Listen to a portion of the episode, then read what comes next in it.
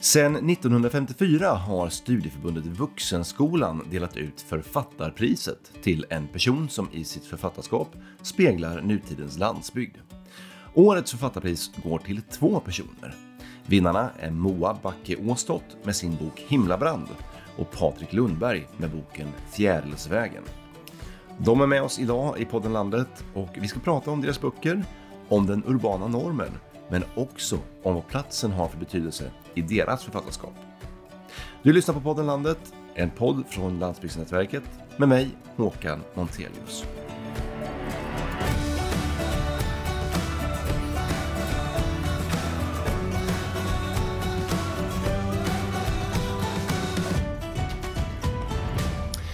Hej och välkommen Patrik och Moa. Hej. Hej. Och till att börja med, stort grattis till priset. Tack så mycket. Tack. Hur känns det här? Det känns eh, jätteroligt och så fint att äntligen få vara här nu också. Mm. Jag är så himla glad att jag får dela det med Moa. Det känns eh, fantastiskt att eh, inte stå där själv utan eh, jag tror på det här att delad glädje är dubbel glädje, om inte eh, tredubbel. Lite speciellt för dig också kan jag tänka mig i och med att det här är din debutroman Moa. Ja, ja men precis. Det känns ju extra stort att det är ju faktiskt första gången jag får eh, ett pris för en bok jag har skrivit. Mm. Och det här priset delar ju som sagt ut för att ni i ert författarskap speglar nutidens landsbygd. Om jag börjar med dig Moa. Har du tänkt på det? Är du en landsbygdsförfattare? Jag har inte tänkt på det som så. Eh, Jag tror inte att vi brukar prata så mycket om landsbygd, eh, faktiskt snarare glesbygd eh, uppe i Norrbotten där jag bor. Mm. Så först blev jag faktiskt lite osäker när jag såg den här liksom, motiveringen och så. Jag tänkte, men skriver jag verkligen om, om landsbygden? Men, men det är ju också landsbygd på ett sätt. Jag tror bara inte vi brukar använda det ordet så. Patrik, din bok utspelar sig i södra delen av landet, Sölvesborg. Är det en landsbygdsskildring? Jag gillar att eh, skildra periferin och det kan ju vara på olika sätt. Till exempel att skildra eh, personer ur minoriteter eller personer som eh, inte kommer från det som brukar räknas som normen. Och bland annat är det ju då just landsbygden eller landsorten som jag kanske säger. Och det är en betydande del av i alla fall det här verket. Mm. Fjärilsvägen heter som sagt boken. Eh, vi om du vill berätta lite kort, jättekort vad boken handlar om. Eh, för att summera, det är en text som i huvudsak handlar om din mamma. Min mamma gick bort eh, vårvintern 2018 och eh, då ville jag skriva om hennes liv. Men eh, tänkte att det är ju kanske inte allmängiltigt. Det är ju en stor sorg för mig, men det är ju min mamma och inte hela Sveriges mamma. Men sedan så när jag undersökte hennes liv så såg jag att det hängde ihop med så många stora samhällshändelser och fick veta att eh, det här drabbar eh, så många kvinnor från arbetarklassen. Alltså att eh, drabbas av en för tidig död av olika orsaker. Mm-hmm. Din mamma, Ingrid Birgitta Lundberg, hon föddes 1950. Och man kan säga att hon växte upp lite grann under rekordåren. Eh, folkhemmet, välfärdssamhället. Men att hon också sveks lite av välfärdssamhället. När min mamma föddes så fanns det på grund av rekordåren och det här folkhemmet som höll på att byggas bättre förutsättningar för arbetarflickor än någonsin. Och ändå så gick hon bort i förtid. Eh, utsliten, utfattig, fattigpensionär. Och jag, jag ville skildra de strukturerna som gör att det här drabbar många kvinnor via min mammas liv. Mm. Den är ju eh, väldigt personlig, den är ju helt självbiografisk, eh, väldigt utlämnande. Var det svårt att skriva den här boken?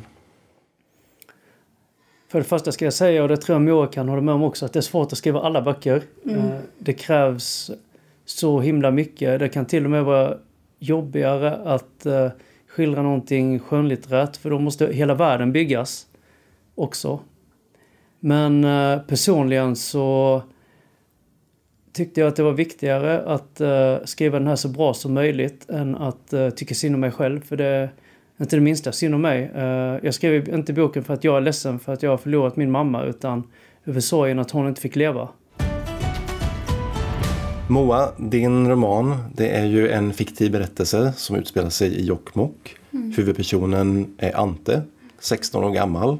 Han älskar sitt jobb som renskötare. Han älskar naturen. Men han har också en börda i och med att han är kär i bästa kompisen Erik. Mm. Hur personlig berättelse är det här för dig? Ja, ja men det är lite både och. För att det här är ju som du säger, det är en fiktiv berättelse. Eh, men jag tror att oftast kanske när man skriver så, även om det inte handlar om mig och Ante är en helt fiktiv person, så tar man ju mycket från, från sina egna känslor eller erfarenheter eller tankar. Jag tar också mycket inspiration från det jag ser i min omgivning, kanske framför allt. Eh, och det jag ser andra liksom uppleva. Och så blandar jag det på något vis med, med saker som jag själv känner. Så att jag känner en väldigt nära liksom, koppling till Ante, även om han inte är jag. Han är ju en helt annan person, men vi delar också väldigt mycket. Mm. Varför valde du att skriva den här boken? Det är en svår fråga. Eh, för jag tror att det var inte en så här konkret idé, ni vet. Utan det, det liksom har, berättelsen har utvecklats under tiden som jag skrev den. Och jag har hållit på väldigt länge. Och jag tror från början så var jag inte säker på exakt vad huvudkonflikten eh, skulle vara. Utan jag hade Ante, den här karaktären. Han hade hans eh, inre konflikt och hans känslor och allt det här. Men jag tror inte att jag förstod då att det kunde vara en hel bok. Mm.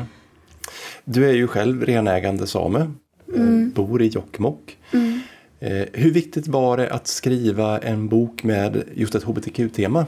Jag tänker att det är någonting som man har pratat alldeles för lite om i det samiska samhället och det börjar komma mer och mer, eh, vilket jag tycker är väldigt, eh, väldigt positivt eh, att se. Men tyvärr så har det varit någonting som man inte har pratat så mycket om. Många har sagt till exempel att det finns inga homosexuella renskötare. har det varit ett tabu? Ja, ja men verkligen. Och det finns ju också med i boken att speciellt de äldre pratar eh, på ett sätt som givetvis är ju inte sant. Eh, men att man har haft den bilden lite grann och då har det varit svårt för, eh, för människor att verkligen visa vilka de är. Men jag tycker att det börjar bli mycket, mycket bättre. Mm. När du skrev den här boken, var det givet att den skulle utspela sig i Jokkmokkstrakten? Jag tror att från början så nämnde jag inte någon plats. Alltså platsen var viktig men jag nämnde inte exakt vart det var. Och det gör jag faktiskt fortfarande inte. Det nämns att det är någonstans kring Jokkmokk. Eh, men de bor i en by eh, utanför. Men jag tror att det liksom kändes självklart ändå att det skulle utspela sig någonstans i mina hemtrakter. Alltså i den miljön. För att ja, det, det måste ju nästan vara det för den här konflikten. Jag tänker med hela renskötarlivet och det. Det finns ju också på, på, andra platser i Sverige men det kändes mest naturligt att, att skriva om, om mina platser. Patrik, jag vet att du har sagt att du vill besjäla människor på landsbygden. Kan du berätta hur och, och varför? Eh, när vi tittar på tv och lyssnar på radio och läser tidningar så är det ofta en viss typ av svenskar som får det mesta utrymmet. Och då är det innerstadsmänniskor i stora urbana städer. Men jag tänker att Sverige är så mycket mer. Världen är så mycket mer. Och att de här eh, berättelserna också förtjänar att finnas. Och, och då handlar det om att besjäla de här människorna så att vi inte ser dem som att samerna är så eller listelänningarna i Sölvesborg är så. För mm. vi kan ju se också av historien vad vad som har hänt när man har sett människor på det viset. Ja, och då kommer vi in på någonting som är en gemensam nämnare för, för båda era böcker, nämligen Herman Lundborg. Eh, den rasbiologiska föregrundsfiguren eh, som ägnade sig åt forskning, både, eller forskning kanske inte ska kalla det, men han ägnade sig åt rasbiologin både på Listerlandet och på samerna. Ja, Herman Lundborg åker ner till Sölvesborg, till Listerlandet och gör sin första stora rasbiologiska undersökning på människorna som lever där och kommer fram till att de då är genetiskt degenererade. Alltså det han försöker säga är att de är missfoster. Mm. De är inavlade, eh, de har lägre IQ, de är lägre stående människor. Och detta lägger grunden för hela den moderna, eller väldigt omoderna rasbiologin som också kommer att eh, påverka hur Adolf Hitler eh, utformar sin rasbiologi. I Sverige, alla de kränkningar som eh, samerna utsätts för. Mm. Och det här tar du upp även i din bok Moa, det, det rasbiologiska arvet om vi säger Mm, så. Hur, hur stor roll spelar det idag? Jag tänker att det spelar väldigt stor roll. Eh, för jag tänker att det är det som har lagt grunden till det här. Liksom hur ska en riktig same vara? Hur ska en same se ut? Hur ska man leva? Allt det här. Jag tänker att väldigt mycket av det kommer ju från det här förtrycket utifrån. Det är inte vi som har hittat på alla de här sakerna utan det kommer utifrån att så här behöver du vara för att räknas eh, som same. Eh, En sån där sak är till exempel att, att man eh, bestämde att har man inte nog eh, antal renar så är man inte längre same. Bara en sån sak som är ju jätte, jättekonstig men det är från samma liksom, tid i historien att man har hittat på de här sakerna. Och i rasbiologin då handlade det om mått. Eh, Liksom mäta skallar, mäta näsor, mått mellan ögonen, allt sånt där. Att det skulle avgöra hur pass samisk man var. Och att man också undersökte då så att säga blandraser som de då kallade det. Om man hade till exempel en samisk förälder och en svensk förälder eller liknande. Att man då ville visa vilket eh, ja, men missfoster det blev som, som Patrik säger. Att titta liksom vilka förstörda människor som skapas av att blanda raser. Och det där är ju helt eh, fruktansvärt och jag tänker att det det sitter i än idag eh, hos många. Både kanske inom det samiska men också utifrån att man har en viss bild av hur man ska vara och se ut och leva. Nu mäter vi inte skallar idag längre, tack och lov. Eh, rasbiologin lever kanske inte kvar. Men skulle ni säga att den här urbana normen finns kvar? Att eh, samerna är någonting annat än den svenska normen eller att eh, Sölvesborg och Blekinge och Listerlandet är någonting annat än det normala? Ja, det skulle jag absolut säga. Bara av att komma hit eh, till Stockholm och ha på mig kolten som jag har på mig nu. Bara jag går ut på stan så är det folk som, som kommenterar och ska prata med mig. Och ibland människor som fotar i smyg eh, och sådär. Så det är ju tydligen väldigt exotiskt, eh, tycker Ja, du klär dig på ett sätt som inte många andra gör i, här i centrala Stockholm där vi befinner oss just idag. Ja men precis. Och att det märks ju på de som bor här eller de som är här att det här är någonting annorlunda. Eh, och att det blir någon slags... Eh, jag menar att de ska liksom fota sådär, det är inte därför jag har på mig det. Det är inte för deras skull, det är för min egen skull. För att det här är det finaste plagget jag har och jag vill vara fin idag på prisutdelningen. Liksom. Eh, så det blir väldigt eh, konstigt eh, när det blir så. Mm. Patrik, vad säger du? Ja, framförallt så gör det ju att eh, människor känner att de inte spelar lika stor roll. Moa och jag har ju en röst i samhället idag. Eh, vi kan säkert om vi vill alltså flytta till Stockholm, göra någonting annat. Men det ska man inte behöva göra för att spela roll. Och nu är det ju så i min hemkommun Sölvesborg så är det många som undrar varför är det så många som röstar på Sverigedemokraterna? Eftersom det inte har varit så förut. Jag har pratat med flera Sverigedemokrater i Sölvesborg och flera av dem säger att i lokalvalet då röstar jag på Socialdemokraterna. Men i riksdagsvalet röstar jag på Sverigedemokraterna. För det är ett eh, långfinger åt makten. Och de menar att makten finns i Stockholm. De bryr sig inte om oss. Det här är en proteströst. Mm. Hur skulle du säga att, att eh, er egen relation till den plats där ni kommer ifrån ser ut? Eh, om man börjar med dig Patrik, du, har ju, du är ju uppvuxen i Sölvesborg men du har ju flyttat därifrån. Eh, gjort karriär som journalist och författare och bor idag i, i Stockholm. Ja, jag tror att eh, jag har gjort samma metamorfos som många människor. Att eh, när jag var ung så ville jag bara därifrån och se världen. Och eh, nu när jag har sett världen så kan jag uppskatta och älska min hemstad. Ja, men jag tänker på det här som Patrik sa tidigare, att man ska ju inte behöva eh, flytta till Stockholm till exempel. Men att jag ändå liksom har slagits av den insikten att det är nästan så att man, man behöver det faktiskt. Alltså att Kan du känna dig tvungen att flytta? Ja, eh, jag vill inte flytta eh, och jag planerar inte att flytta. Men jag kan ju känna vissa gånger att, att det är ju här mycket händer. Men eh, jag, jag känner ändå att jag inte vill flytta. Jag känner när jag kommer hit att det här är inte min plats. Det är inte här jag vill bo, det är inte här jag vill vara.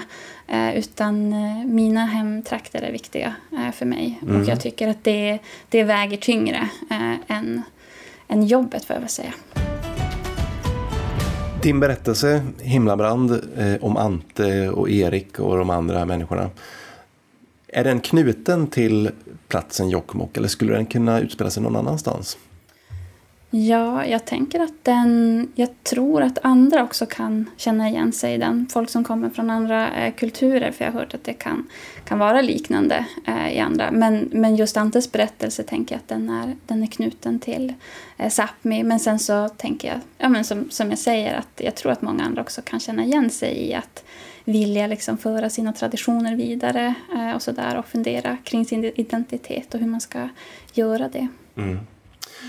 Och Patrik, vad säger du då? Din berättelse eller din mammas berättelse, skulle den kunna utspela sig någon annanstans? Jag tror att den utspelar sig eh, överallt hela tiden. Uh, det här eh, arbetarklassen som jag beskriver den finns ju över hela Sverige och över hela världen. sedan så kanske alltså känslan av att vara i periferin blir extra stark när det utspelar sig då i Sölvesborg, en landsort. Eh, men eh, det vet vi att det finns liksom i, i hela Sverige. Det kan till och med vara värre i Göteborg eller i Stockholm där allting är mycket dyrare. Men eh, sjukpenningen är ju inte högre här i Stockholm. Mm.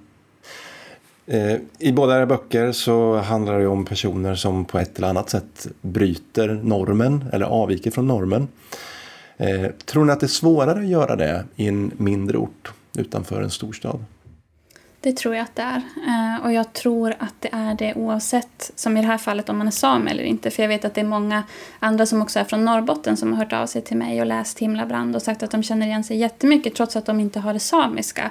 Men bara det att, att bo liksom på en mindre ort eh, uppe i Norrbotten, att, att bara det kan göra att man känner igen sig i den här berättelsen. Så det verkar vara så tyvärr. Mm. Mm. Patrik? Både och skulle jag säga.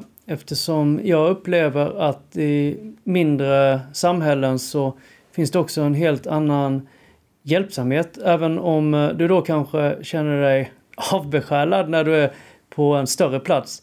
På en liten plats så vet du vilka alla är. Eh, du kan se dem i ögonen. Eh, det är många som tror att jag då som poddlyssnarna hör ju inte detta men jag ser ut som en sydkorean. Att jag fick uppleva jättemycket rasism när jag växte upp i Sölvesborg. Mer än vad jag skulle uppleva i en större stad. Jag upplever att det inte stämmer för där vet de att jag är Patrik. De känner mig, alla vet vem jag är. Och rasism handlar om avhumanisering. Att eh, säga att den där människan är si och så på grund av hans typ hudfärg eller ras som vissa säger. Men eh, det upplevde inte jag på det sättet och min mamma hade nog haft det svårare i sitt liv i ett större sammanhang. För det fanns ändå... I Sölvesborg känner man sina grannar till exempel. Det gör man inte på alla ställen. Jag känner inte mina grannar i Stockholm eh, som kunde hjälpa henne. Och det var människor som skjutsade mig och min syster när vi skulle spela fotboll eller gå på ridning och sådana saker. Så jag tror inte bara att man ska tycka synd om sig själv när man bor på landsbygden utan jag tror också att man ska känna att det finns många saker som vi gör mycket bättre. Mm. Ja, ja, men det håller jag verkligen med om. Jag tänker att det är en anledning till att jag också vill eh, bo kvar där uppe. För att jag tänker ändå att det positiva överväger ju allt det här. Nu pratar vi mycket om, om problemen som kan uppstå och sådär. Men jag tänker att det är också fantastiskt eh, att bo i ett sånt samhälle, tycker jag. Mm.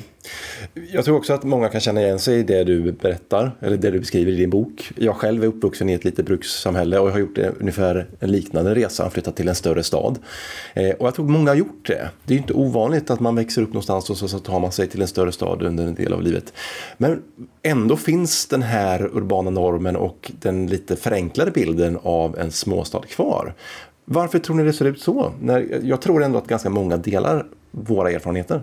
Ja, men det är ju också för att den där bilden kanske delvis stämmer. Att uh, människor är annorlunda än vad man är i Göteborg, eller Stockholm eller Malmö. Det är bara det att man, man får inte tycka att det är sämre. Mm. Det är inte sämre. Varför frågar man människor liksom varför flyttar du inte?